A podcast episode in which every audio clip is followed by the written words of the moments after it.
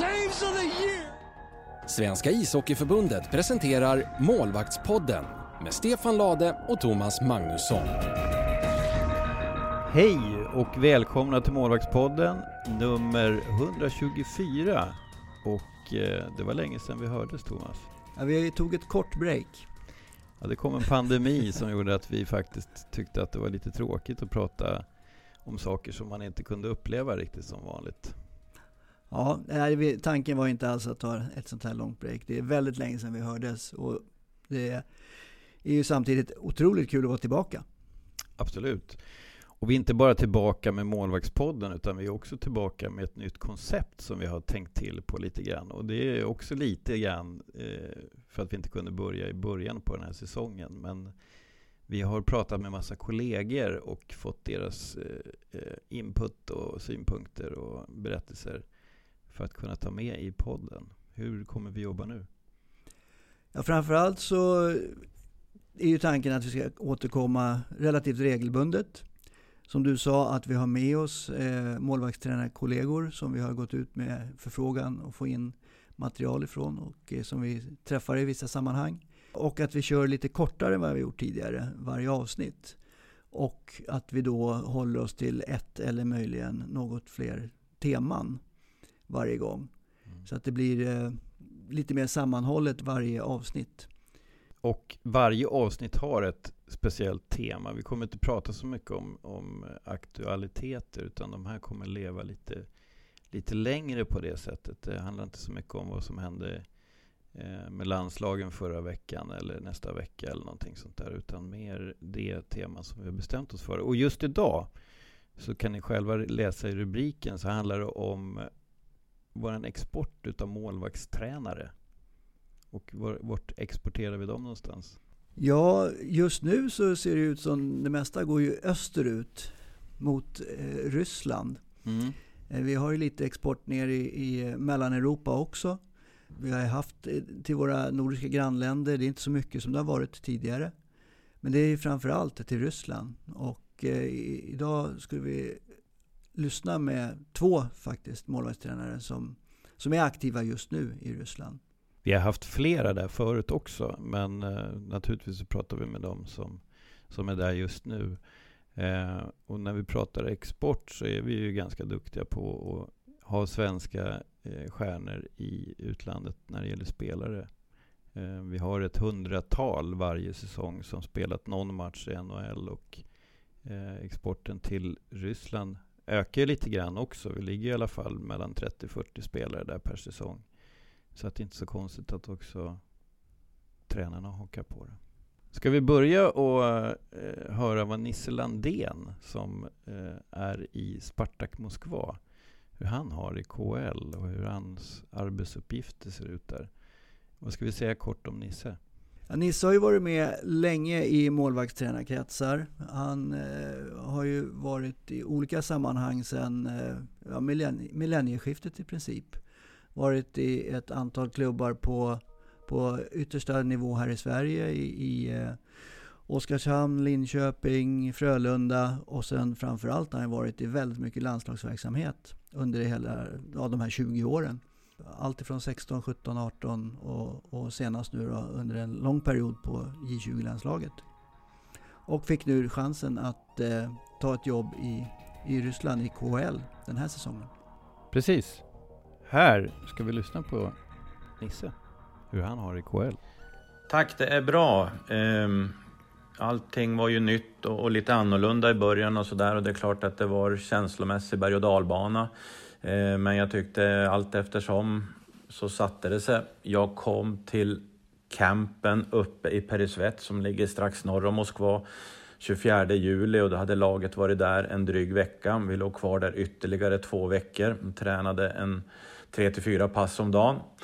Eh, sen var det av ner till Moskva. Det var bara att börja leta lägenhet eh, där. Jag hittade en i Filiovsky Park District eh, som ligger i en gated community på trettonde våningen. På en jättefin lägenhet som jag trivs kanonbra i. Dagliga arbetet ser väl mycket ut som det gör hemma. Eh, det är träning på förmiddagarna oftast om vi inte har spelat match, för då brukar det vara på eftermiddagarna. Jag har en målvaktsi som 30 till 40 minuter före ordinarie eh, ispass eh, där vi kör lite olika matchlika och även tekniskt taktiska eh, övningar då och sen gäller det att balansera målvakterna, den eller de som inte spelar Oftast är vi tre målvakter på träningarna så då kan man trycka på också lite extra med den som kanske har varit tredje målvakt. Det är lite skillnad som till exempel att jag ska ha koll på samtliga målvakter som är i, i systemet. Eh, det är 11 stycken i, i KL-laget, VHL-laget och MHL-laget. Eh, där har jag en bra eh, resurs till hjälp, den som är målvaktstränare på juniorlaget. Eh, sen är det jag som bestämmer oavbrutet vem som spelar i KL-laget. Eh, ibland är det till och med jag som bestämmer vem som spelar i VHL-laget. Ehm, jag är ytterst målvaktsansvarig och får också ta konsekvenserna för det. Så att eh, på det sättet kan det väl vara lite speciellt jämfört med hemma eh, där man oftast har en diskussion och dialog om vem som spelar. Ehm, sen matchar vi tre tre till fyra matcher eh, i veckan eh, beroende på eh, ja, om vi spelar hemma eller borta. Vi reser eh, med flyg, privatflyg. Eh, Schysst tycker jag. Eh, första klass på ledarna och sen business class på spelarna. Eh, jag tar mig mellan matcharenan Megasport och även träningsarenan som vi har Lushniki och mitt hem åker jag oftast taxi emellan. Det går snabbast och smidigast. Så det var lite kortfattat om hur det funkar dagligdags i Spartak Moskva och för mig. Tack! Kul att höra eh, från Nisse och eh, hur han jobbar i sin Moskvaklubb. Jag tror väl att det kanske är sådär förmodligen det ser ut över, överlag i de flesta klubbarna i, i KL i Ryssland. Skulle jag gissa på i alla fall. Och sen är det intressant tycker jag när han säger det här med att han är ansvarig för vilka som spelar. Eh, jag tror att många målvaktstränare i Sverige i alla fall, eh, Eh, om vi bara generaliserar över alla nivåer, så är man ju kanske först och främst en utbildare eh, i sin roll. Eller kommer i alla fall därifrån. Men sen på elitnivå så ska man ju ta beslut såklart. Det är ju fler som konkurrerar om samma plats. Så att eh, någon måste ju ändå med, med, som har kunskapen kunna bedöma vem som är bäst rustad för att spela och ha en planering för den delen. Och det är ju både intressant å ena sidan, tänker jag. Eh, å andra sidan så kanske det är målvaktstränare som inte riktigt tar den eh, dialogen med målvakterna. För det är ju ändå det paret, man stöter och blöter saker, plus och minus hela tiden. Eh, och sen om det är en huvudcoach som tar beslut i samarbete med målvaktstränare. Det är kanske så det ser ut mer som vi är vana med i alla fall. Ja, men jag tycker det är som så mycket annat att eh, huvudsaken är att det finns en tanke och en plan bakom. Man kan lösa det på olika sätt. Man, det kan antingen vara som Nisse har det nu i, i sitt KL-lag. att Han är 100% ansvarig, han kommunicerar med målvakterna, eh, han tar besluten. Och då hamnar han säkert i en, i en roll där eh, han måste hantera det på ett speciellt sätt. Mm. Gentemot den som spelar och ett sätt mot den som inte spelar. För det är ju alltid så att man har som målvaktscoach ett, ett ansvar för, för samtliga målvakter. Och de hamnar i olika situationer. Mm. Eh, men sen kan det ju vara så som du är inne på där att man man är delaktig i ett beslut men det kommuniceras av huvud, huvudtränaren och det är huvudtränaren som är ytterst ansvarig för resultatet för laget. Och då hamnar man i en lite annan situation i sin kommunikation med målvakterna. Och det där tror jag man kan lösa på, på båda sätt och kanske till och med ytterligare något sätt. Mm. Men det viktiga är att det finns en tanke bakom och att man är medveten om vilken roll man hamnar i gentemot tränaren, gentemot laget och gentemot sina målvakter. Och att det påverkar sen kommunikationen och relationen. För målvaktstränarrollen är ju otroligt mycket en relation. Alltså relationen man har till sina målvakter. Men även relationen man har i gruppen, i tränargruppen. Och som sagt var, en medvetenhet om det är, är absolut nödvändigt för att man ska bli hållbar och långvarig i en organisation och att det ska funka ihop med, med alla de här olika parterna som man jobbar tillsammans med. Mm. Det som jag ser som positivt är ju att i slutet av säsongen när är, man spelar de, de viktigaste matcherna eh, då ska man ha den bästa målvakten i bästa formen. Och det kan man ju styra på det sättet att han inte spelar för mycket eh, och får in liksom eh, båda två. Eller i Ryssland så är det ju ofta tre målvakter i, i ett lag. Eh, så man kan variera det där och, och försöka formtoppa den som är bäst för stunden just när det, när det drar ihop sig till, till slutspel eller, eller på gränsen till slutspel eller vad det kan vara för någonting. Så att det, det är intressant och man kan prata länge om det där och, och ta på sig olika glasögon för att se olika vinklar i det också. Eh, en annan utav våra målvaktstränare i KHL som har varit faktiskt i just Spartak där man ni ser, det är ju Stefan Persson. Han flyttade, det var ju en må, lite svensk målvaktskarusell i samband med VM. För det där kom ju fram eh, under VM faktiskt. När tre målvakter som vi har i KL, Magnus Hellberg, Lasse Johansson och Adam Reideborn, bytte lite klubbar med varandra. Och då blev det lite målvaktstränarbyten också? Ja, det blev det.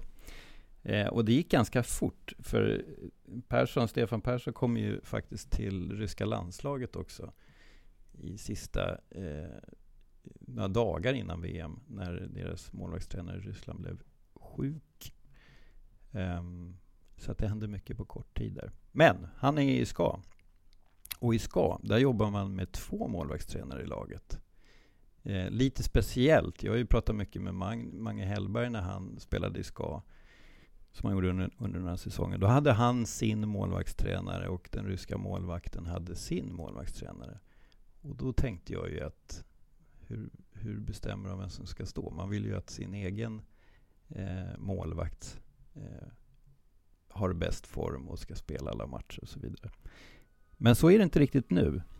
Stefan Persson, vi frågade honom eh, hur funkar det egentligen när man är två målvaktstränare i samma lag? Och det är inte riktigt så som jag tänkte för att nu är det lite annorlunda. Vi ska höra. Yes. Eh, jobba utomlands och hur det är att jobba med en målvaktstränare som man inte har träffat så många gånger tidigare.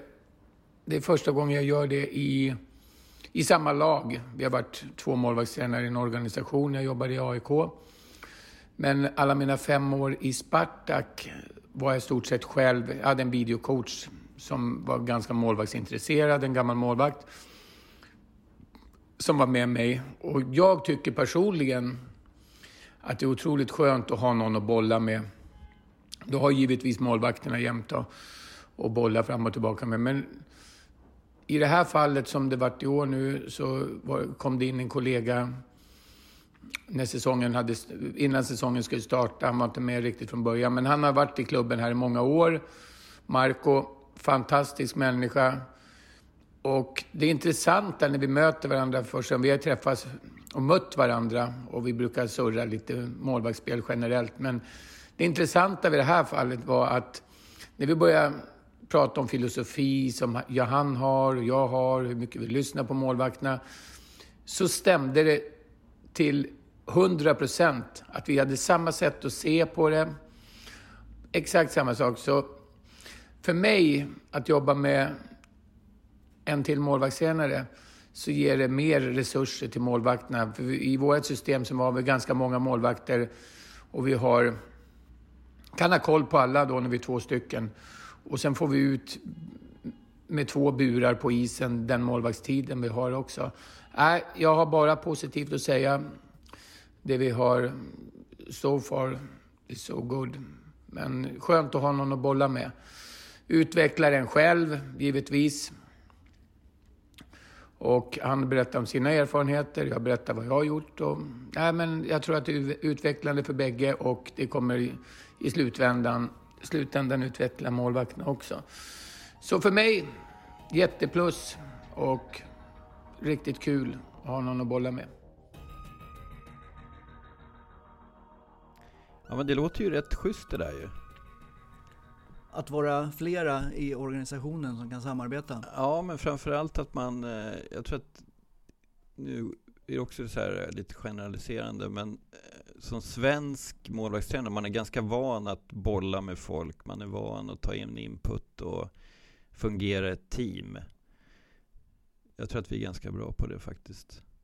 Ehm, men det gäller ju att man kanske inte är överens om allting, men att man ändå har en lik, liknande ledarstil skulle jag säga. Jag menar, om det är en som väl kommer in och ska dominera någonting och då har man inte samma nytta av varandra som, som de här två brukar, verkar ha här nu. Nej precis, jag tänkte just det, säga det att det verkar ju faktiskt som att det funkar väldigt bra här tack mm. vare som Persson säger här att de har en likartad filosofi och de ser likadant på målvaktsspelet.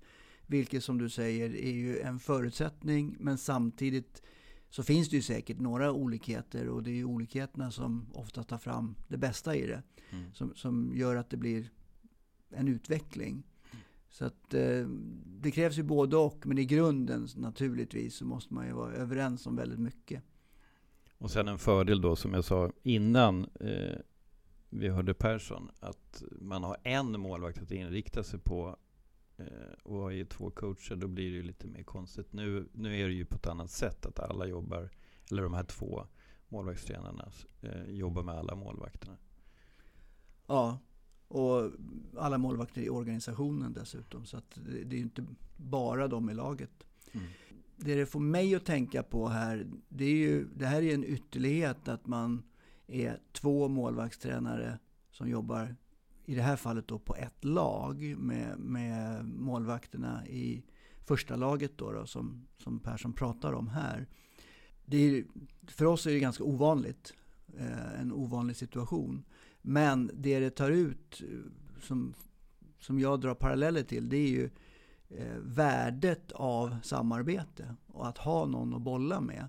Och det, det, det, får man att tänka på som vi brukar prata om, som jag brukar nämna när jag pratar med andra målvaktstränare som, som en otroligt viktig del i vår egen utveckling. Det är ju att ha någon form av nätverk det kan ju vara en, men det kan också vara flera som man pratar med och att man, man odlar de här nätverken med, med eh, inte bara de som tycker likadant, mm. utan även odlar nätverk med de som tycker annorlunda om saker och ting. Vilket gör att man utvecklas själv. Både genom att kanske se på, på saker och ting på andra sätt och omvärdera. Men också att, att omvärdera eller alltså att ytterligare fundera över sina egna argument och varför jag tycker som jag gör för att kunna argumentera för min egen sak. Mm. Så att eh, det, det är utvecklande på alla sätt. Och det tror jag händer mycket på arenorna i Sverige när man träffar på varandra, de olika lagen. Att man bollar någonting och man kanske har någonting ihop sen tidigare också som man, som man pratar igenom. Det är ju väldigt öppet eh, generellt. Alltså, eller det är väldigt öppet. Alltså vi är, vi är en bra arbets... Eh, kat, eh, vad, säger, vad, säger, man? Arbetsgrupp låter inget, inget kul men vi är... Ja, men kategori utav tränare som, ja, som är väldigt öppna och eh, gärna delar med sig. Mm. Jag lyssnade faktiskt på en podd så sent som igår där man pratade just om det här med skillnader eh, i olika eh, kategorier av tränare men också hur det är i olika miljöer. Hur det, alltså skillnaden mellan till exempel USA och Kanada. Där man i USA kopierar mycket av det vi har gjort i Europa och jobbar väldigt mycket med samarbete. Medan man i Kanada är kvar i sina gamla mönster med väldigt mycket konkurrens och väldigt mycket privata aktörer som, som sitter och håller på sitt. Mm. Eh, en podd som jag faktiskt kan rekommendera. Där eh, Kevin Woodley som vi har lyssnat mycket på på In Goal Mag var gäst i en annan podd som hette någonting med 32 eh, Thoughts tror jag den hette. Mm. Vi kan väl lägga upp en länk till den. Mm. Väldigt många bra saker som kom fram där. Både om det här jämförelse i olika miljöer i Nordamerika, i Europa och lite bakgrund varför det ser ut som det gör i hockeyvärlden. Han, hade många kloka svar. Han har utvecklats väldigt mycket genom åren, Kevin Woodley, med att sätta sig in i målvaktsvärlden som han inte visste ett dugg om när han började för väldigt många år sedan som, som eh, journalist och, och, följde Vancouver Canucks och sen startade olika målvaktsforum eh, till en början med tillsammans med Ian Clark. Också dela med sig. Det, är, mm. det är ett lätt forum att göra det via poddar och lyssna på. Det är bra spridning i det. Vi har ju också en eh, målvaktstränare i Schweiz. Eller har vi fler? Nej, Tyskland och Schweiz Tyskland, kanske man klumpar ihop lite ja. helt konstigt. Men eh, eh, Viktor Alm har ju varit i Tyskland tidigare. Ja, han var i Düsseldorf. Just det. Men är nu i Langnau i Schweiz. Exakt. Vi frågade honom vad hans roll var i coachteamet och hur de jobbar där. Min roll i SL Tigers innebär att jag har hand om målvakter på A-laget, de som vi har lånat ut, våra samarbetspartners. Eh, men också våra juniorlag U20 och U17. Utöver det så har jag haft ansvar att ta fram en playbook, hur vi ska spela i organisationen, men också en utvecklingstrappa hur vi ska lära ut det. Vid sidan av detta så har jag hand om video under matcher och taggar. Men också i efterarbetet då supporta våra assisterande coacher. Eh, dels med målskytte men sen också givetvis med det integrerade försvarsspelet. Eh, en liten del av min tjänst innebär också att jag supportar dem med statsanalys eh, på olika, på olika sätt. Kort och gott från Viktor och hans uppgifter som han har i sitt lag. Spännande med att han sätter ihop en playbook. Vad kan den innehålla? Ja, nu sa ju han, men jag förmodar att han involverar målvakterna i det också. Mm. Tror du inte det? Jo, det tror jag. Alltså, som, alltså det är målvakten som spelar och, och hans sätt att lösa situationer. Så kan det, ju, det är ju jätteviktigt om man tänker i försvarsspelet i samarbete med målvakten. Man har en gemensam playbook. Det, mm. Så är det ju. Det kan ju vara den också. Mm. Men annars, eh, jag var ju i Wien under några säsonger. Eh, en vecka i månaden sådär som man kan jobba ibland. Och det var väldigt tyskt där i början. Om jag generaliserar och säger att man alla ska göra samma sak samtidigt. Så jag stod och garvade nästan första passet och frågade målvaktstränaren på juniorerna vad är det viktigt att de gör de där rörelserna exakt samtidigt på uppvärmningen? Men det var det. Men eh, inte efter ett tag. När vi var mer individualiserade. Eh, så att målvakterna fick vara med och påverka sitt eget spel. Mm. Ja, men det jag tycker är intressant med den bilden som, som Viktor ger här, det är liksom vad, vad hans uppdrag innefattar. Absolut. Och det är också en viktig del att man, att man gör klart det. Eh, både för sina målvakter men framförallt i organisationen gentemot andra tränare och och de som driver och leder organisationen. Vad, vad är uppdraget egentligen? Alltså, vad, vad, vad, är mina arbetsområden? Och här var det ju både att träna målvakter och, och förmodligen tillsammans med dem som sa då, att komma fram till liksom någon, någon, någon röd tråd. Mm. För här var det ju också i hans fall, precis som vi hört tidigare, det är inte bara målvakterna i ett representationslag utan det är en hel organisation. Och, och jobba med alla målvakter. Och då är det viktigt med någon form av röd tråd. Hur vill vi att målvakter ska spela? eh, för att vi får ut max av dem. Och det kan ju vara allt ifrån att det är väldigt styrt till att, att få ut max av varje individ och att det är olikheter istället. Mm. Det, det, framgår inte riktigt här, mm. eh, vilket man har valt. Men, eh, och i det här fallet då att, har de valt att ha någon form av playbook som, som vi, på något sätt beskriver hur, hur en målvakt, hur vi förväntar oss att en målvakt ska spela. Och det här kan man göra en koppling till Stefan Persson som var en av de första målvakterna som jag upplevde, eller målvaktstränarna som jag upplevde som jobbade väldigt eh, ska säga, medvetet med playbook med sina målvakter under AIK-tiden. Och dokumenterade väldigt mycket. Ja, visst. Eh, och, och, säkert lärde sig väldigt mycket också om målvaktsspel tillsammans med målvakterna. Mm. För man, genom att dokumentera så, så blir saker och ting väldigt tydligt och man ser både fördelar och nackdelar med att lösa uppgifter på olika sätt. Ja, och sen så vet man eh, utifrån en spelidé hur man vill lösa situationer och i, om, man, om man dokumenterar det som man Persson kallar väl det för playbook också. Eh, så samlar ju olika situationer och lösningar på situationer på ett och samma ställe. Då kan man se hur konsekvent man kan vara i spelet också. Mm. Så att eh, det är, det är nästan ett eget avsnitt att prata om, om sådana saker. För det kan man göra eh, på många olika sätt. Men, men eh, det blir ett gemensamt dokument att följa över tid som är rätt intressant faktiskt. Mm. Och när vi pratar om många olika uppgifter som, som Viktor har så pratar han ju också om, om video och taggning. Mm. Och det är ju också ett kapitel för sig. Där eh, man kan ju se det som en, en belastning. Att man inte kan ägna all tid åt målvakterna och deras utveckling utan att man ska ägna tid åt eh, att tagga eh, saker och ting som handlar om laget. Men jag tycker att man ska se det som en möjlighet att sätta sig in i lagets spelsätt och på det sättet också integrera målvakterna ännu mer i både försvar och anfall. Och framförallt det integrerade försvarsspelet då, då men även att, i med tag, att man är med och taggar och är med i liksom lagets hela spel. Att man får större möjlighet att påverka och skaffa sig förståelse för spelvändningar där målvakterna kan ha en väldigt stor betydelse och uppgift. Mm. Så att, eh, att, att video har blivit en sån de, stor del av många målvakters jobb såg jag ju från början som en möjlighet att Eh, ja, men här kan målvaktstränarna bli mer delaktiga. Det kan bli mer heltidsjobb utav ett målvaktstränarjobb.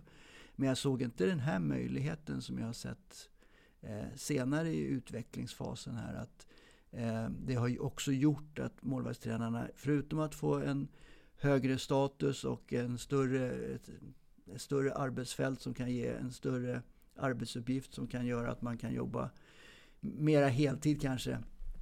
Eh, också har gjort att målvaktstränare har blivit mycket, mycket mer involverade i, i hela spelet.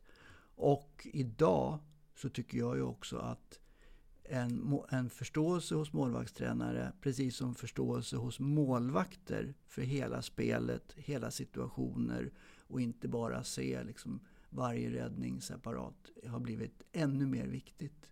Mm. Och ännu större del i, i, att kunna bli framgångsrik som målvakt och som målvaktstränare.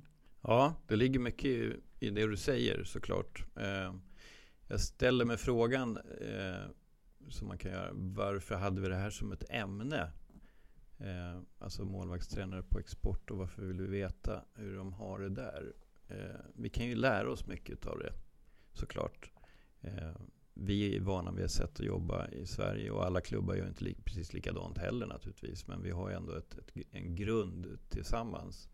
Och då är det väldigt intressant att höra hur, hur andra eh, hur andra har det. Hur, hur, ser den här rollen ut i, i de andra länderna, de andra ligorna? Och jag tror att det, det ger en större bild av vad målvaktstränarens uppgift är eh, på olika sätt. Det vore intressant någon gång att få reda på hur det ser ut för en svensk målvaktstränare i NHL, men jag vet inte när vi får göra det. Nej, det kanske, kanske dröjer.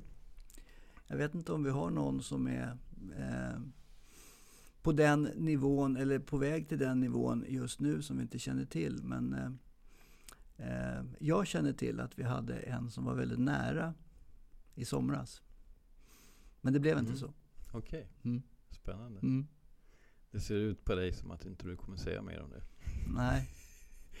Nej, men Johan Hedberg var ju i Sharks organisation i tränarteamet och var väl en mixad lite målvaktstränare om jag, jag kommer ihåg rätt. Men assisterande också. Mm. Och hade andra uppgifter. Men... Sen har vi här i målvaktspodden pratat med några som är aktiva. Dave Alexander oh ja. som är i St. Louis och eh, Mike Valley när han var i, i Dallas mm. Organisation. Så att eh, vi kan ju återknyta till det genom att eh, eh dels hänvisa tillbaka till några avsnitt där, mm. där det finns intervjuer med dem och eh, tänka oss att vi kanske i framtiden ska vända blickarna inte bara österut utan även västerut för att följa upp det här avsnittet någon gång framöver. Mm. Det var allt för idag Thomas. Eh, ett utav våra, det här blir ju det första eftersom vi hade en sån inledning såklart. Eh, men det följs av fler målvaktspoddar i närtid som har ett specifikt ämne. Eh, och eh, vi säger inte så mycket mer utan nästa ämne presenteras i nästa podd. Kul att du lyssnade och var med oss igen. Eh, vi hörs snart igen. Ja, det var roligt att vara tillbaka efter det här långa uppehållet. Som sagt var, vi, vi hörs snart igen.